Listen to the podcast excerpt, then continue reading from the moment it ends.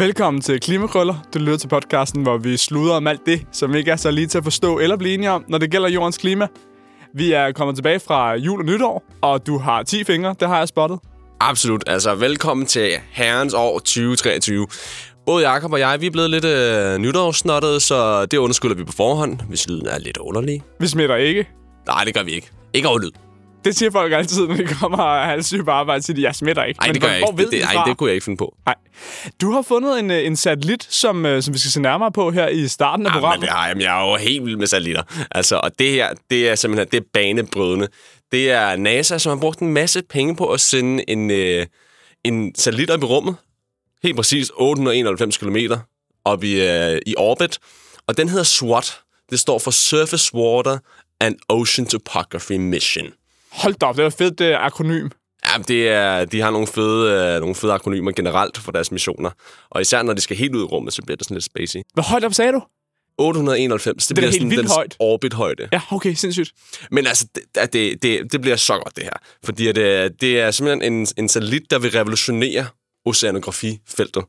Den vil øh, kunne observere processer i havet med 10 gange højere nøjagtighed, end øh, vi gør nu. Altså så, så meget højere opløsning.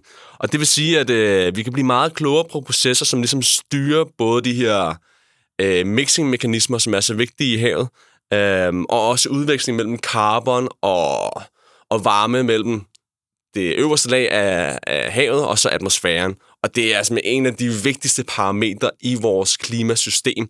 Altså, så det bliver, det bliver stort, det her. Har du nogen som helst idé om, altså, hvor nøjagtigt er det? Altså, hvis man nu har mistet et menneske ud på et øh, paddelbræt, eksempelvis, altså lidt som bare drifter ud på havet, og man skal finde vedkommende, bliver det med en god nok opløsning til, at man kan se det? Altså, der er jo mange forskellige satellitter, som tager forskellige billeder. Så det her, det er en radarsatellit. Så det er ikke optiske billeder, som vi kender det. Så det er ikke billeder, hvor du kan se i uh, RGB, altså uh, i normale menneskefarver. Det bliver sådan et sort-hvid billede. Hvad kan du så se? Jamen, du kan se en masse ting. Så den her, den måler blandt andet højden af, af havet. Og det vil sige, at vi bliver meget klogere på processer som de her, øh, at det lyder lidt fancy, men de her mesoscale eddies. Og det er sådan nogle øh, snoretoppe, som øh, ligesom spænder af de store havstrømme, som for eksempel Golfstrømmen. Så når den ligesom går fra Karibien og op mod Grønland, så spænder der sådan nogle små snoretoppe af, som er cirka sådan en 100 km brede. Og man, man mener, at de står for halvdelen af den transport af både carbon og varme fra det øverste lag af oceanet til det dybe lag. Og det, altså, det vil sige, de er vanvittigt vigtige i at, ligesom at styre vores klimasystem. Så alt det carbon og CO2, vi ligesom smider ud i atmosfæren, det bliver faktisk trukket ned i dybhavet af de her eddies. Og det er blandt andet dem, vi bliver meget, meget klogere på. Altså, så man skal forestille sig, havstrøm er en motorvej, der kommer kørende, Yes. og så er der en masse sideveje, Ja, så er der sådan en lille... øh, som cirkler ud hvad, i hvad sådan hedder nogle de der snoretoppe, man spændede engang? Beyblades. Beyblades, ja, præcis. Det er i hvert fald det, vi udka- udtalte os om. Beyblades. det kan godt være, det hedder noget andet. Ja. Så de spænder ligesom af. Øh, ja, det- altså det ser, hvis man kigger på sådan nogle billeder af sådan changes of ocean temperature, eller changes in ocean height, så vil man kunne se de her eddies, og de ser, ah, de ser mega seje ud. Øh, og det, det er ligesom den ene del med øh, ocean topography. Man vil også blive meget klogere på generelle havstrømme, altså så hvordan næringsstoffer bevæger sig rundt, som er mega vigtigt for phytoplankton, som i, altså igen føder hele det marine økosystem. Så hele havdelen vil vi blive meget klogere på. Men der er også det her med surface water, som er, man snakker mere om sådan terrestrial surface water, det vil sige, altså vand på land. Så det vil sige floder og søer og så videre, som man vil blive meget klogere på. Så man vil blive meget klogere på, på vand som en ressource. Og nu kommer dagens gæst. Det er helt perfekt. Velkommen til. Herligt.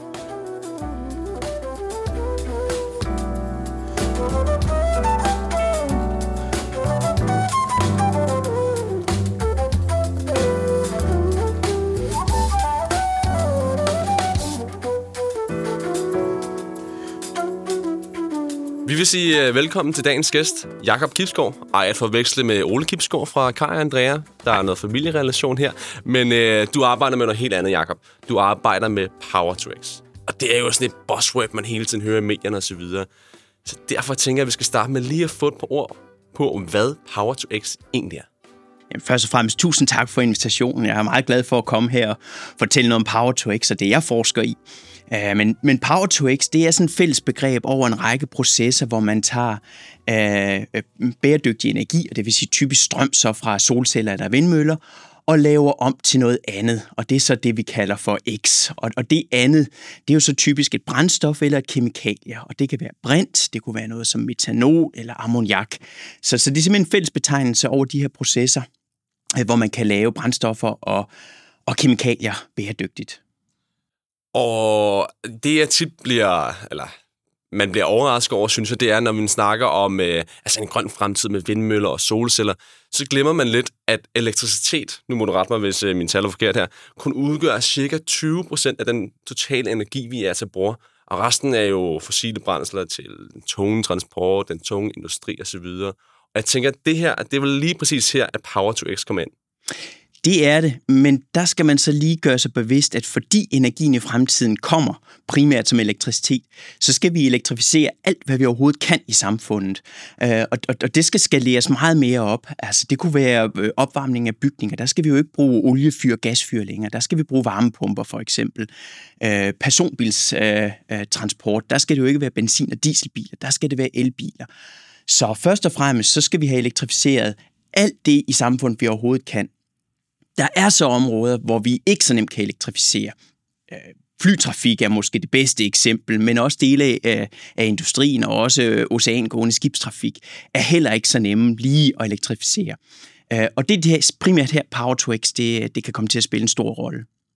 Og den proces, du beskriver, som er den mest hyppige, altså der, hvor man omdanner det til typisk en form for hydrogen, brændbaseret brændsel eller kemikalie, Hvordan er det, det foregår, og hvor er vi i dag i forhold til effektivitet, når vi forsøger at lave strøm om til hydrogen?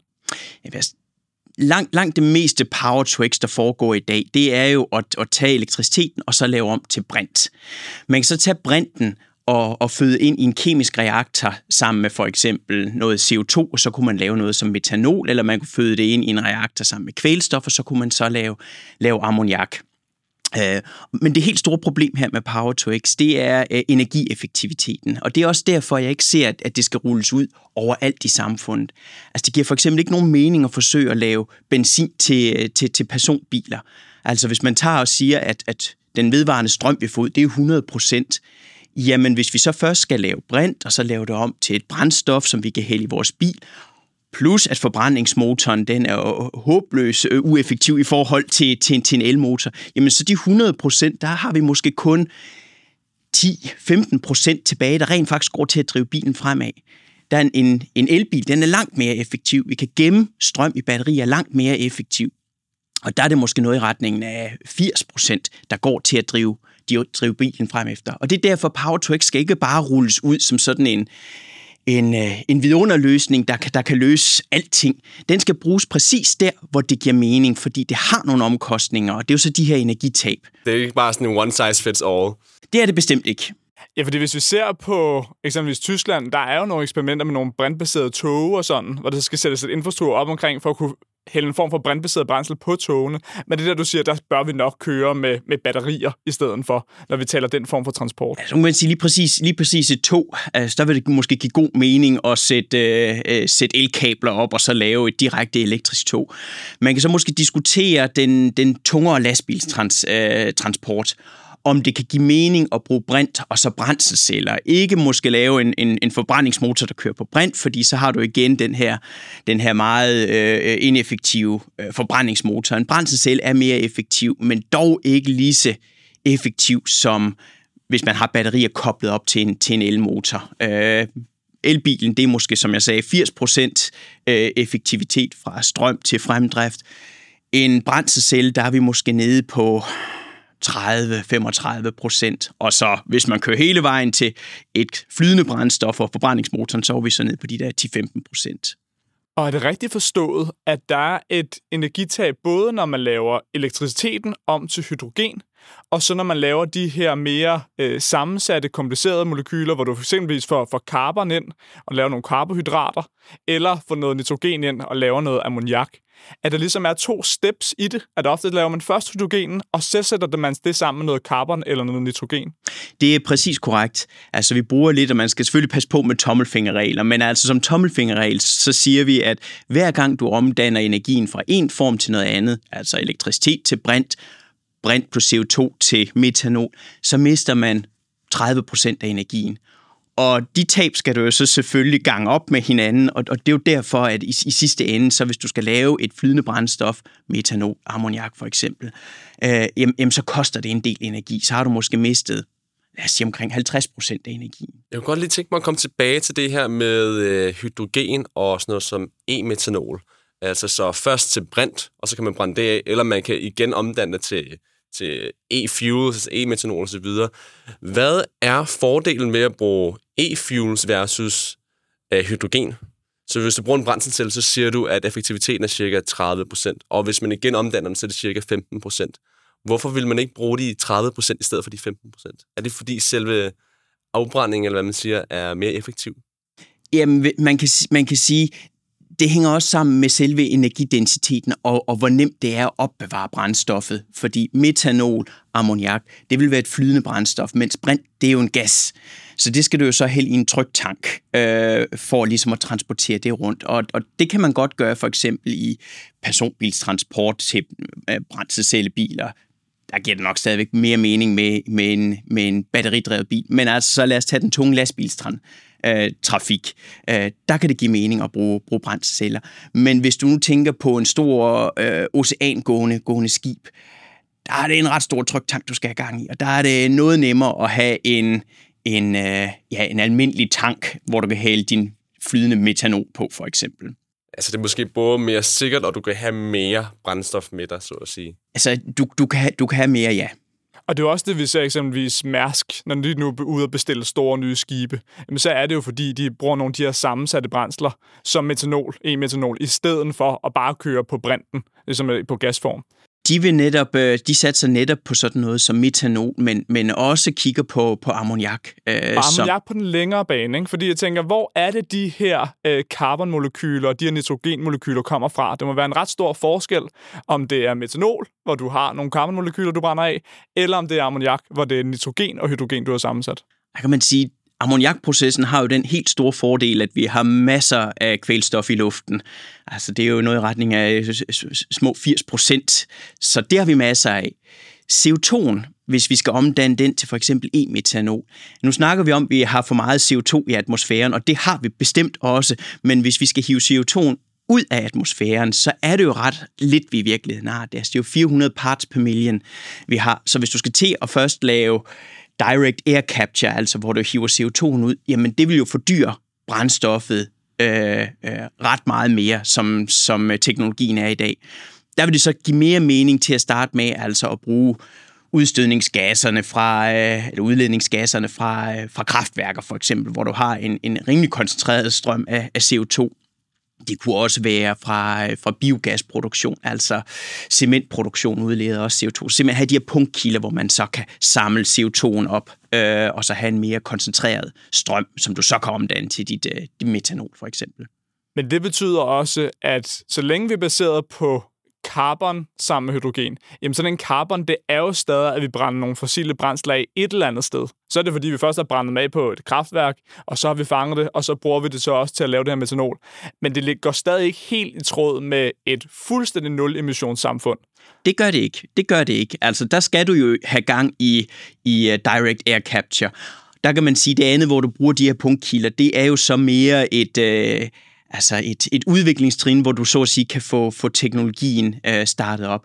Man kan selvfølgelig sige, noget af det, vi brænder af for eksempel, jamen det kommer jo fra bioressourcer, så der har du jo et mere lukket CO2-kredsløb, men altså det er jo klart, hvis det er affaldsforbrænding, jamen, så er det jo mixet ind med alt muligt fra fossile ressourcer også, og så er det jo selvfølgelig ikke fuldstændig øh, lukket kredsløb, der er, der er helt bæredygtigt. Jeg tænker, det, det lyder rimelig dyrt at lave de her øh, carbonbrændstoffer, fordi det både skal have det her carbon capture ved de, de forskellige punktkilder, øh, og så derefter omdanne det. Hvordan ser det ud med, med ammoniakken? For du nævnte, at vi har masser af kvælstof i atmosfæren. Det har været 79 procent, hvor CO2 er 0,004 eller andet. Øh, er, det, er det billigere at lave e-ammoniak?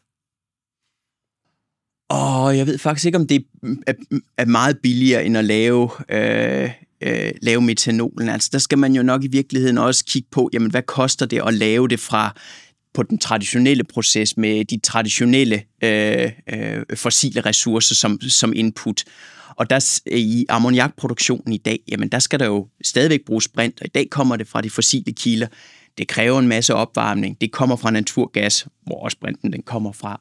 Øh, så det er måske i virkeligheden mere den sammenligning, man skal kigge på. Jamen, hvad koster det at lave ammoniakken traditionelt i dag, versus hvad, kost, hvad vil det koste at lave den øh, bæredygtigt?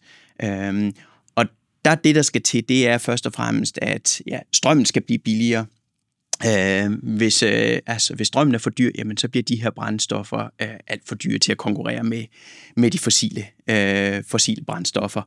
Øh, vi kan også gøre noget på effektiviteten af de her processer, og det er jo blandt andet der, hvor min forskning den kommer ind. Altså, alle de her processer, der skal der jo lave, der bruges der katalysatorer til at forbedre effektiviteten, sådan at vi kan i den forstand kun have det her tab på 30 øh, procent, men forhåbentlig kan vi også bringe det endnu lavere ned. Øh, men det kræver nye materialer og nye katalysatorer, og det er jo så det, min forskning går på, at gøre det billigere på den måde.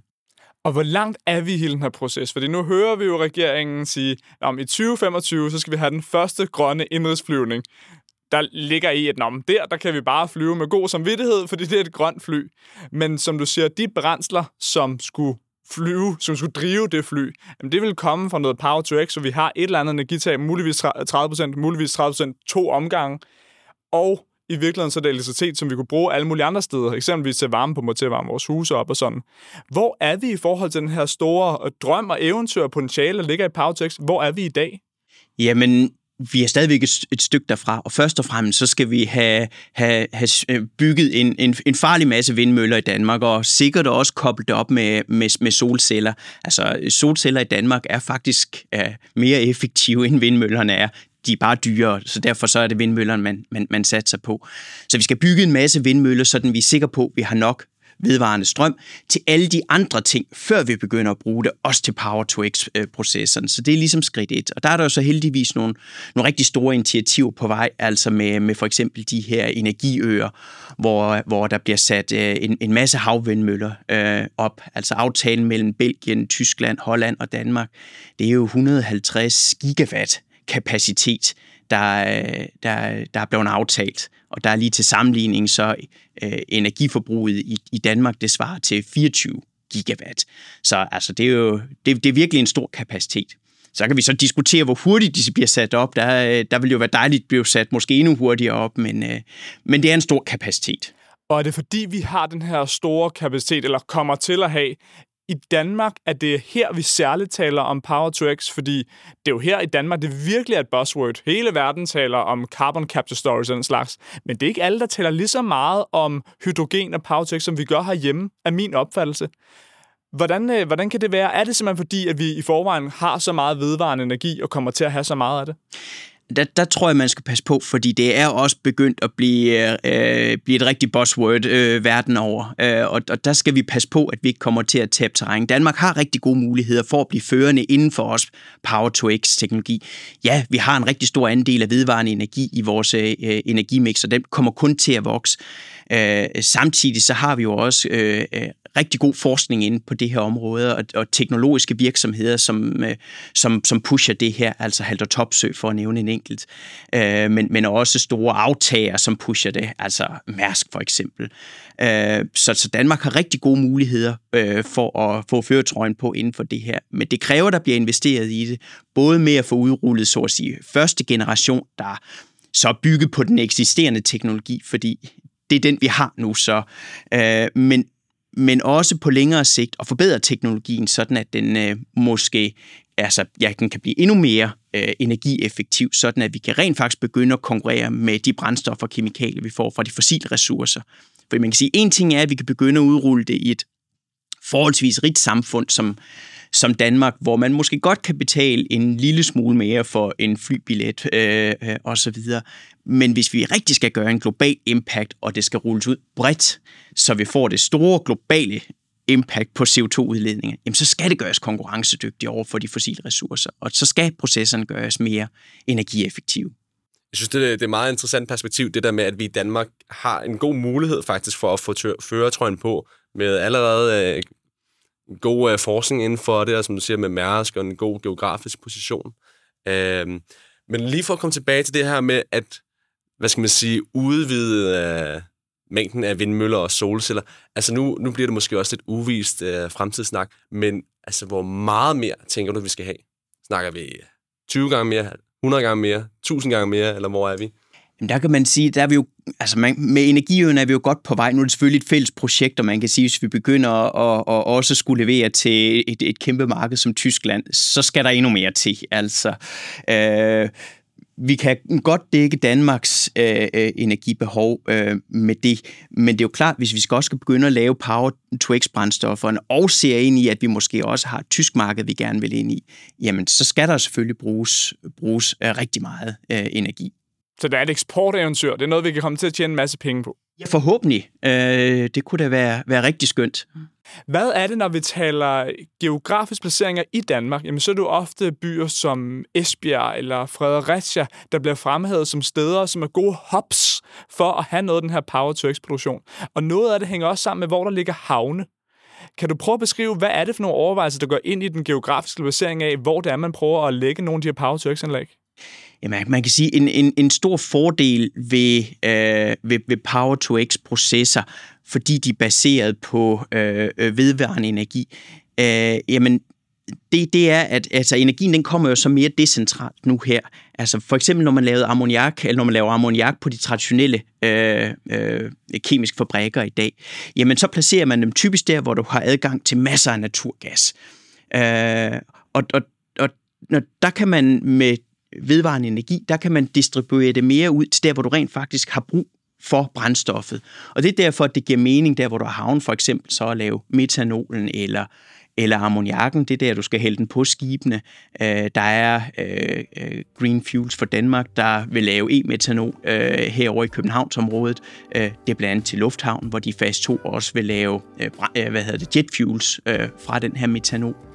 Så der kan du så lave brændstofferne der, hvor du rent faktisk har brug for dem. Det tror jeg var det, var det sidste for dag. Tusind tak, fordi du vil komme ind her i studiet, Jakob, og gøre os og, og lytterne klogere på Power to X, og hvad det er for en fremtid, vi, vi kigger ind i. Tusind tak for det. Jamen, tak fordi øh, jeg måtte komme. Selvfølgelig. Kæmpe fornøjelse.